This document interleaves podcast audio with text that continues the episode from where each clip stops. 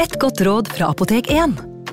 Nå er snart pollensesongen i gang, og et godt råd til deg som sliter med pollenallergi, er å begynne behandlingen i god tid før allergisesongen starter. Da får du nemlig enda bedre effekt av legemidlene, og så blir ikke våren din helt ødelagt. Kom innom og få råd på ditt nærmeste Apotek 1, eller chat med oss på apotek1.no. Apotek 1 vår kunnskap, din trygghet.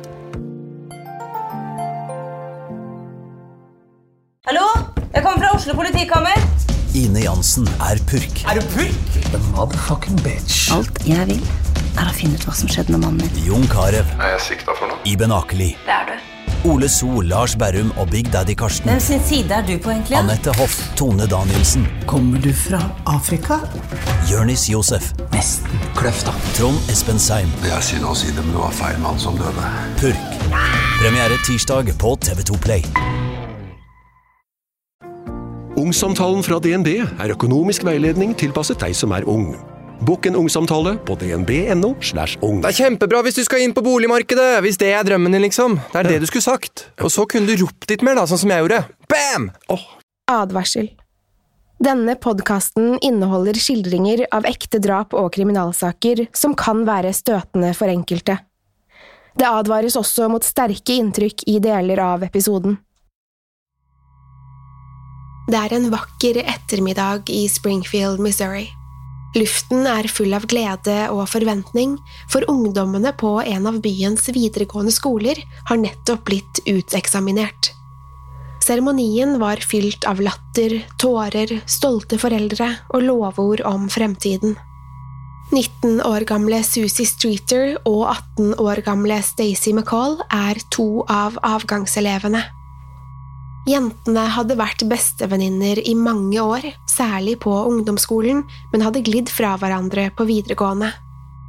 Selv om de hadde beholdt vennskapet, ble de adskilt da de begynte i forskjellige klasser på Kickapoo videregående skole, og hadde også begynt å vanke i forskjellige vennegjenger.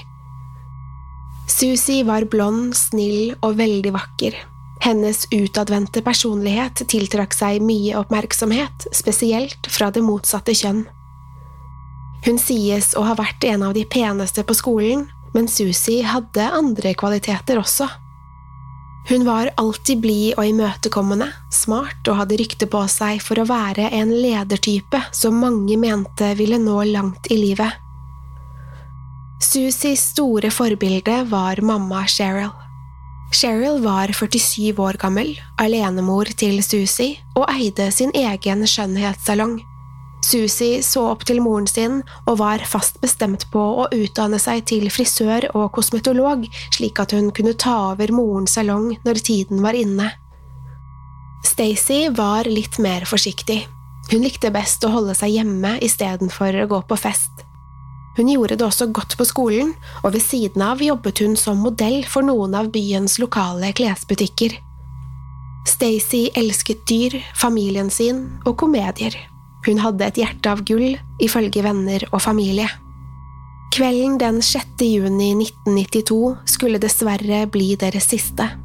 Det som var en kveld fylt med fest og moro, den siste kvelden med gjengen fra skolen, endte som en av Missouris største forsvinningssaker.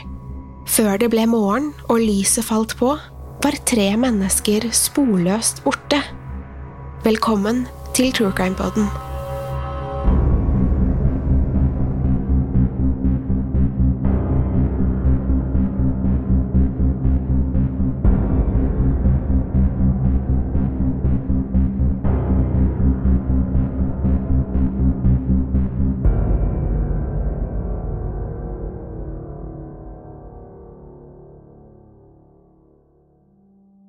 Susie Streeter og Stacey McCall var to ganske vanlige tenåringer. De var interessert i mote, venner, fest og musikk. På videregående havnet jentene i forskjellige gjenger, og derfor traff de hverandre ikke like ofte som tidligere. Susie, den mest utadvendte av de to, hadde fattet interesse for det motsatte kjønn og ble bedt ut på date av flere av de kule guttene. Hun ble omtalt som den peneste av jentene på skolen, og Susie likte oppmerksomheten hun fikk. Det var mange som ønsket å date Susie, men hun hadde bare øyne for én gutt. Han var en såkalt badboy som ikke fulgte samfunnets, ei heller skolens, regler til punkt og prikke. Han røyket sigaretter, drakk øl, og det sies at han skal ha eksperimentert med narkotika en kort periode. Da han og Susie endelig ble kjærester, hadde han lagt av seg flere dårlige vaner. Susie likte det tøffe ryktet hans, men var ikke så begeistret over at han tidvis brøt loven. Det var ikke bare det at han vandret på begge sider av loven som var betenksomt med kjæresten. Han og noen kompiser hadde de siste månedene begynt å interessere seg for det mer okkulte, nærmere bestemt satanisme. Flere så nok på dette som guttestreker, Susi også, hun prøvde til og med å lese seg opp på temaet satanisme, men syntes ikke det var så spennende. Selv om Susi ikke delte kjærestens fascinasjon for satanismen, fortsatte han og kompisene å eksperimentere med såkalte mørke krefter. De prøvde seg på spiritisme ved flere anledninger, men det var ikke spennende nok. Derfor dro Susis kjæreste og to kompiser til kirkegården en mørk kveld. De ventet lenge, til det var tomt for biler på parkeringsplassen og at lysene i kirken var slukket før de slo til. Bevæpnet med brekkjern, hammer og lommelykter brøt de tre guttene seg inn i et mausoleum. Inne i mausoleet var det bekmørkt, og bare lommelyktene lyste opp slik at de kunne se kistene som sto der inne. Så stille de kunne, brøt de opp lokket på den ene kisten Restene av det som en gang hadde vært noens kjære familiemedlem, lå der i form av et skjelett. De bestemte seg for å ta opp hodeskallen og oppdaget at i kjevene satt det flere gulltenner. Guttene lirket tennene løs fra skallen og tok dem med seg. Stolt over hva han hadde gjort, fortalte han det til Susi, men hun reagerte ikke helt slik han hadde håpet. Istedenfor å bli imponert ble hun forferdet og gjorde det slutt med ham på flekken. Susi syntes det de hadde gjort var så feil og ubehagelig at hun kontaktet politiet og fortalte om innbruddet i mausoleet. Det endte med at de tre ble siktet for likskjending og gravrøveri, og i tillegg sa Susi seg villig til å vitne mot dem i retten. 6. juni 1992 Avgangselevene på Kickapoo videregående skole i Springfield, Missouri har nettopp mottatt vitnemålene sine foran foreldre, besteforeldre, søsken, tanter og onkler. Det har blitt holdt flotte taler, og kvelden har vært svært vellykket. De fleste av de uteksaminerte skal rett på en stor fest, hvor flere skal overnatte før de skal kjøre til en fornøyelsespark dagen etter.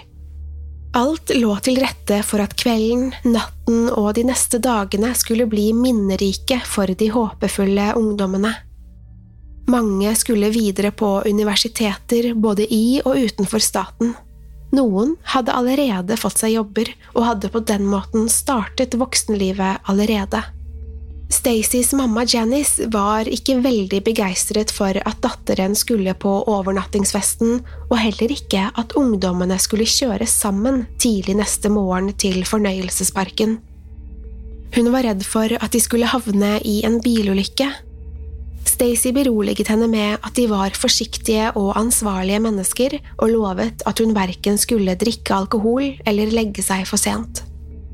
Stacey var en jente man kunne stole på, så moren slo seg til ro med datterens lovnad. Stacey lovet å ringe henne i løpet av kvelden. Festen Stacey og Susie skulle på, ble holdt i huset til deres felles venninne Janelle Kirby. Hun bodde i et stort hus, og det var plass til at mange kunne overnatte der. Likevel fikk Stacey en dårlig følelse da hun ankom festen. Det var altfor mange mennesker der, flere av dem var overstadig beruset, og en jente sto og kastet opp i blomsterbedet i oppkjørselen. Heldigvis fikk Stacey øye på Susie blant alle ungdommene, og de bestemte seg for å holde sammen da ingen av jentene drakk den kvelden. De hadde begge kjørt hver sin bil til Janelles hus, og det ble raskt klart at festen ikke var noe for de to venninnene.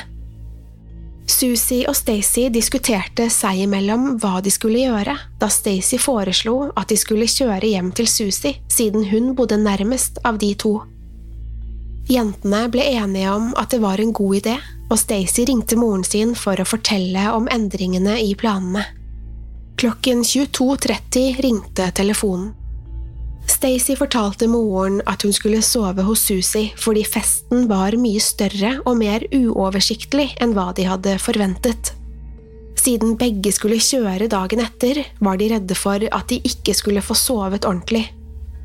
Moren til Stacey ble lettet over å høre dette, og syntes det var fint at Stacey skulle sove over hos Susie, siden hun visste at Susies mamma Cheryl var hjemme. Man sier det vanlige, som jeg elsker deg, og tror at man skal snakke sammen så mange flere ganger etter en så vanlig samtale. Hadde jeg visst at det var den siste gangen jeg snakket med datteren min, skulle jeg sagt så mye mer, sa mammaen til Stacey i et intervju med True Crime Daily i 2017. Stacey og Susie blir på festen i et par timer til. Det er hyggelig der, men for Stacey som er innadvendt og litt sjenert, blir det litt mye for henne. Hun spør Susie om de ikke skal dra hjem snart, og Susie er enig. Hun forteller opprømt at hun nettopp har fått en ny og stor vannseng på rommet sitt, og at de to kan sove sammen der. Jentene tar farvel med de andre, og rundt klokken to på natten kjører de hver sin bil hjem til Susie. Bilturen tar et knapt kvarter, og ca. klokken 02.15 parkerer de begge foran huset på 1717 East Delmer Street, der Susie bor. Bilen til Cheryl, Susies mamma, er også parkert utenfor, og jentene låser seg inn og lukker døren bak seg. Neste morgen er alt tilsynelatende helt vanlig. Festen ble avsluttet sent, men allerede ved tidlig morgengry er flere av ungdommene i ferd med å gjøre seg klare til å kjøre mot fornøyelsesparken Whitewater. Janelle Kirby og kjæresten hennes står utenfor huset sitt og venter.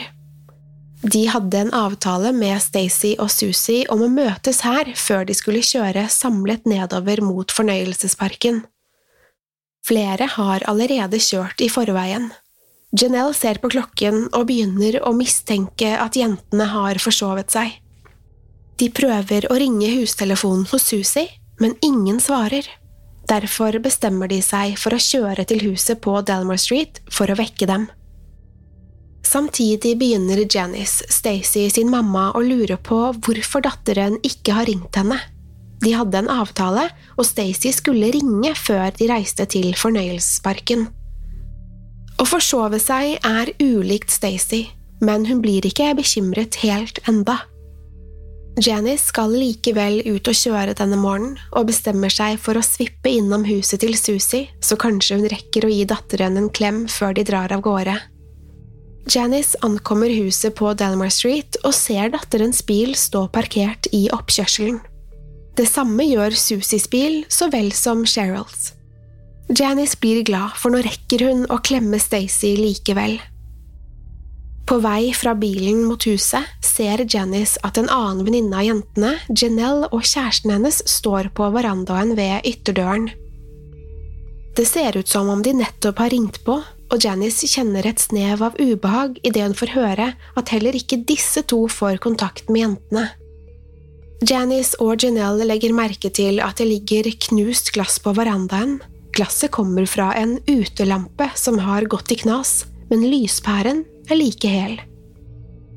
Merkelig, tenker de, og bestemmer seg for å feie opp glasskårene, da Susi har en liten hund som kan komme til å skjære seg hvis hun tråkker i det. Glasset feies opp og kastes i en søppelkasse nede ved veien.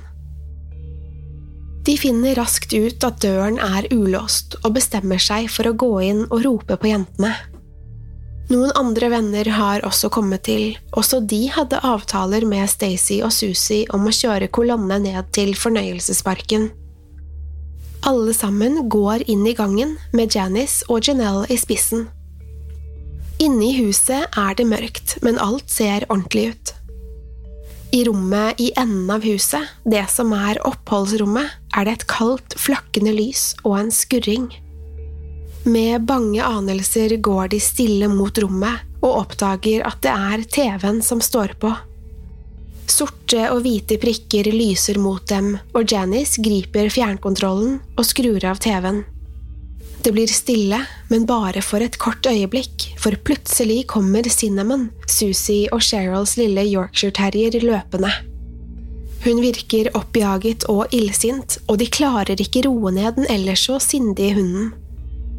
Noen av dem skrur på lysene i huset, og andre begynner å rydde litt mens de venter på at jentene skal komme tilbake fra hvor enn de er. De antar at Cheryl er på jobb, til de ser at håndveskene til de tre kvinnene er stilt opp på rekke og rad langs den ene veggen i stuen. I håndveskene er alle eiendelene deres, lommebøker, nøkler og Cheryl sigaretter som hun aldri dro noen steder uten. Betenkte prøver vennene og Janice å tenke seg til hvor de tre kan være. Janice vasker og skyller noen kopper og glass som står på salong- og spisebordet, og andre rydder sammen litt smågreier, bare for å være hyggelige.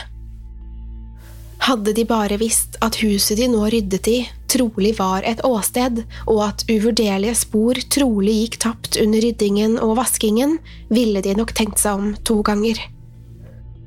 Dessverre skjedde dette på en tid der åstedsgranskning ikke var like kjent som det er for oss i dag.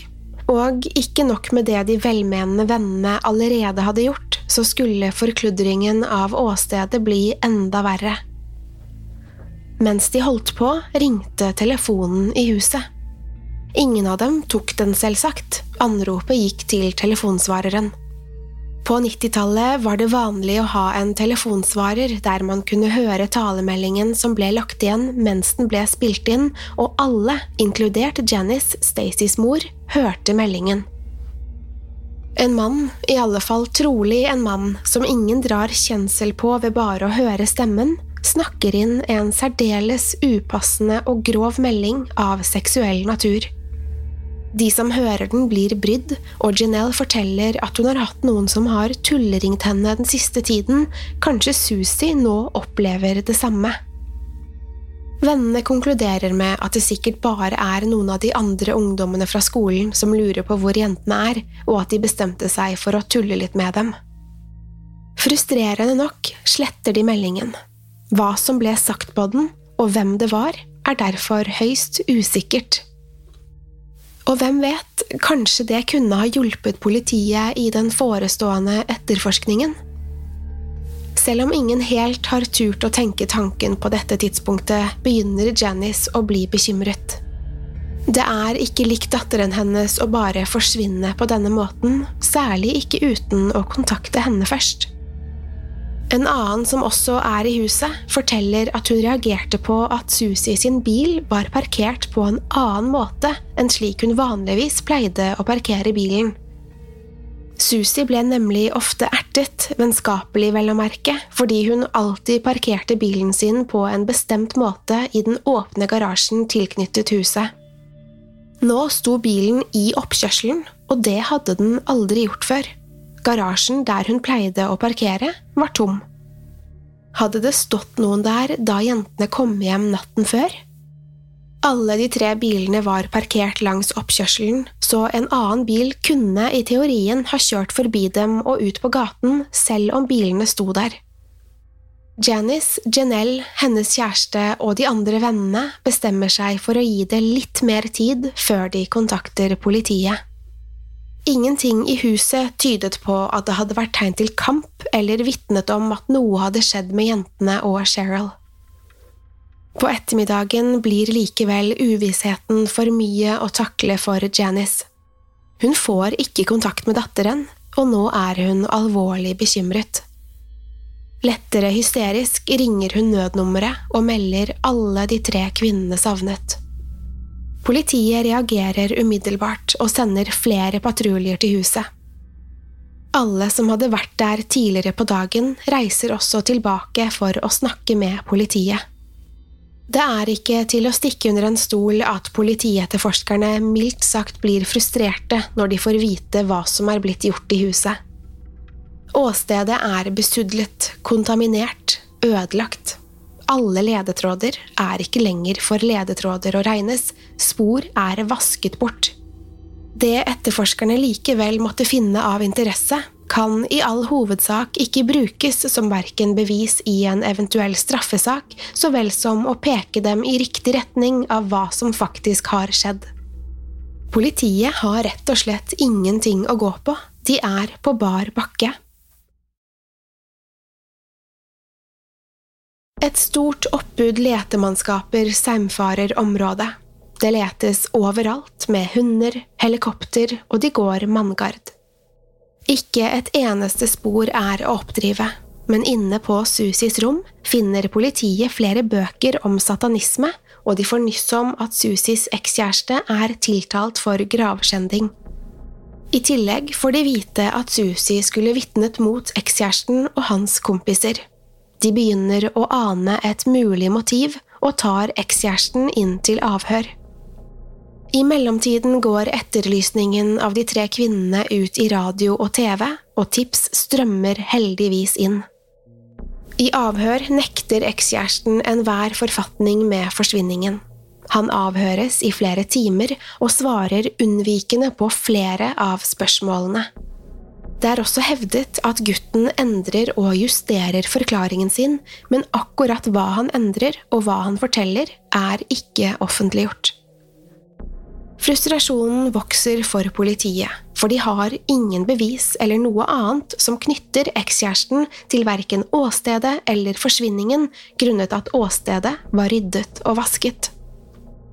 Derfor må de la ham gå, selv om flere av etterforskerne tror gutten vet mer enn han forteller. Tips strømmer som nevnt inn til politiets tipstelefon, men de fleste leder ingen vei. Et tips virker likevel lovende, for en anonym person hevder å ha sett Susi samme morgen som da de skal ha forsvunnet. Personen forteller også at Susi så redd ut, og at en mannsstemme kunne høres.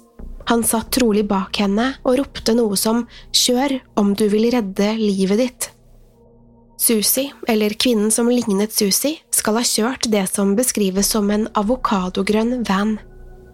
Politiet undersøker tipset nærmere, de setter til og med opp en identisk van på samme sted som innringeren observerte den, i håp om å få inn flere konkrete tips om episoden. Dessverre kommer det ingen. Uker og måneder går, og bisarre teorier dukker opp. Alt fra at kvinnene er bortført av ufoer til menneskesmugling. Vennene derimot, så vel som familiene, tror at siden det ikke var noen tegn til kamp, vil si bortsett fra den knuste verandalampen, må kvinnene være bortført av noen de kjente. De mener at en bil Susi må ha kjent til, kan ha stått parkert i den åpne garasjen, og at Susi og Stacy likevel valgte å gå inn i huset, tyder på at de ante fred og ingen fare. Sengene var enten oppredd eller ikke sovetid, og alt så vanlig ut i huset, bortsett fra litt glass og kopper på bord og benker. Ellers ingenting. Men hunden Cinnamons oppførsel var en ledetråd politiet gjerne skulle ha undersøkt nærmere. Hun var sint og redd, og har etter all sannsynlighet sett hva som skjedde. Tiden går, og saken blir en såkalt cold case etter en tid, da ingen nye tips leder saken videre. Likevel får politiet en anonym innringer som ber dem om å undersøke en mann ved navn Robert Craig Cox. Han er en tidligere høyt respektert veteran fra hæren som plutselig endret atferd. Cox var dømt til døden for voldtekt og drap i Florida, men dommen frafalt, og han ble sendt til California for å tiltales i en rettssak der to kvinner ble bortført. Det viser seg at Cox bodde i Springfield, Missouri da Susie, Stacy og Cheryl ble bortført, men ikke nok med det. På den tiden jobbet Cox på samme bilverksted som Stacey sin far. Stacey besøkte faren sin på jobb innimellom, så Robert Cox kan ha blitt interessert i Stacey og deretter ha bestemt seg for å bortføre henne. Politiet avhører Cox om saken, men han nekter for å ha noe med forsvinningen å gjøre. Han får til og med et solid alibi fra kjæresten sin, de to var nemlig i kirken da kvinnene forsvant. Noen år senere står Robert Cox tiltalt i en straffesak enda en gang, nå i Texas for væpnet ran. Igjen avhøres han, og nå kommer han med flere motstridende opplysninger som gjør at politiet anser ham som særdeles interessant. Cox og kjæresten har i tillegg gjort det slutt, og når politiet snakker med henne denne gangen, trekker hun alibiet. Hun forteller at hun ikke aner hvor Robert Cox var da kvinnene ble bortført. Robert Cox dømmes for det grove ranet og sitter fengslet da et TV-team intervjuer ham om saken som kalles Springfield 3. Grunnen til dette er at han i et urelatert avhør har sagt at han vet om tre kvinner som ble bortført, drept og begravet, og at ingen noen gang vil finne dem. Overraskende nok forteller han i TV-intervjuet noen år senere at han vet at de tre kvinnene er døde. Har du noe med deres forsvinning å gjøre? spør journalisten. Jeg kommer ikke til å si noe om dette så lenge min mor lever, svarer Robert Cox. Dessverre finnes det ingen tekniske bevis som knytter Robert Cox til denne saken, annet enn noen få indisier. Så lenge han ikke tilstår ugjerningen, kan han ikke siktes for saken. Når det er sagt, så er Robert Cox fortsatt ikke utelukket fra saken. Saken om The Springfield Three er på fagspråket kald i flere år, og kvinnene ble erklært døde i 1997. I senere tid fatter en frilansjournalist og selvutnevnt amatørdetektiv interesse for saken.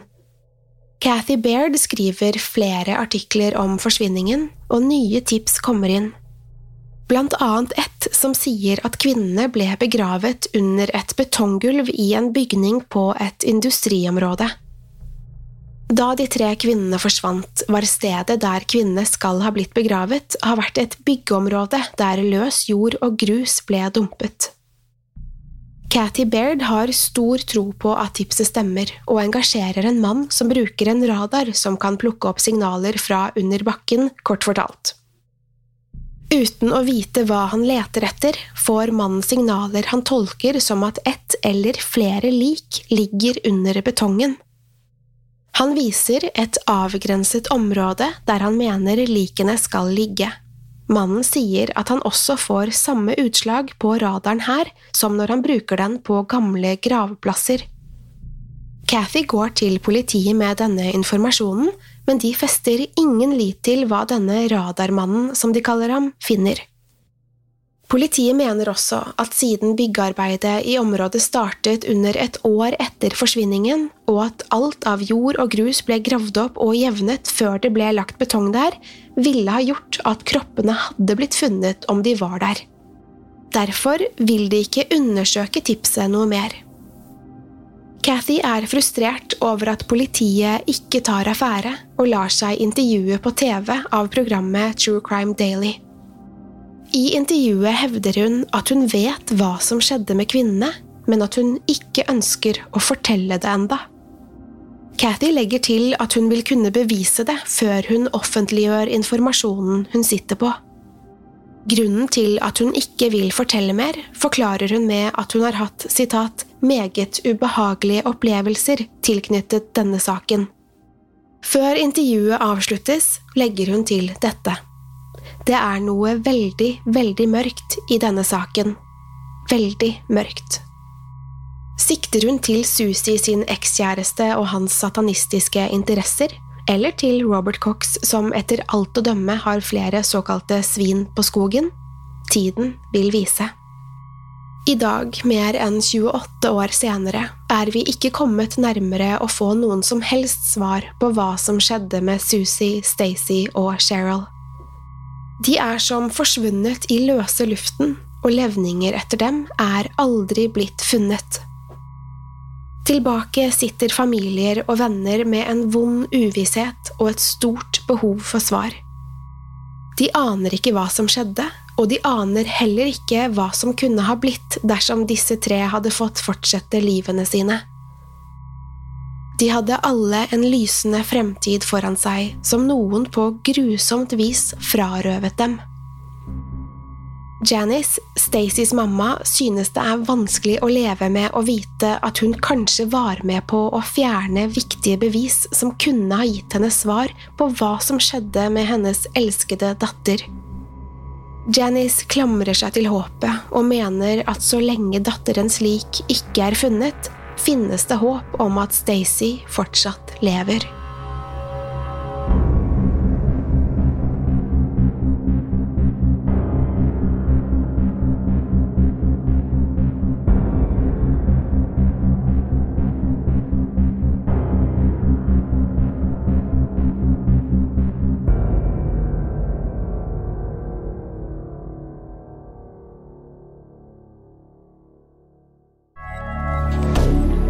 Moderne media. Har du et enkeltpersonforetak eller en liten bedrift? Da er du sikkert lei av å høre meg snakke om hvor enkelt det er med kvitteringer og bilag i fiken, så vi eh, gir oss her, vi. Fordi vi liker enkelt. Fiken superenkelt regnskap. Hei! Takk for at du lytter til True Crime Podden. Skulle du ønske at du kunne høre en ny episode av denne podkasten hver eneste uke? Vel, da er det bare å laste ned podkastappen Untold med en gang. I tillegg til ukentlige episoder av podkaster som Skrekkpodden, Synderne og Henrettelsespodden, får du masse annet reklamefritt og eksklusivt innhold. Last ned Untold i AppStore eller Google Play, og start din 30 dagers prøveperiode i dag.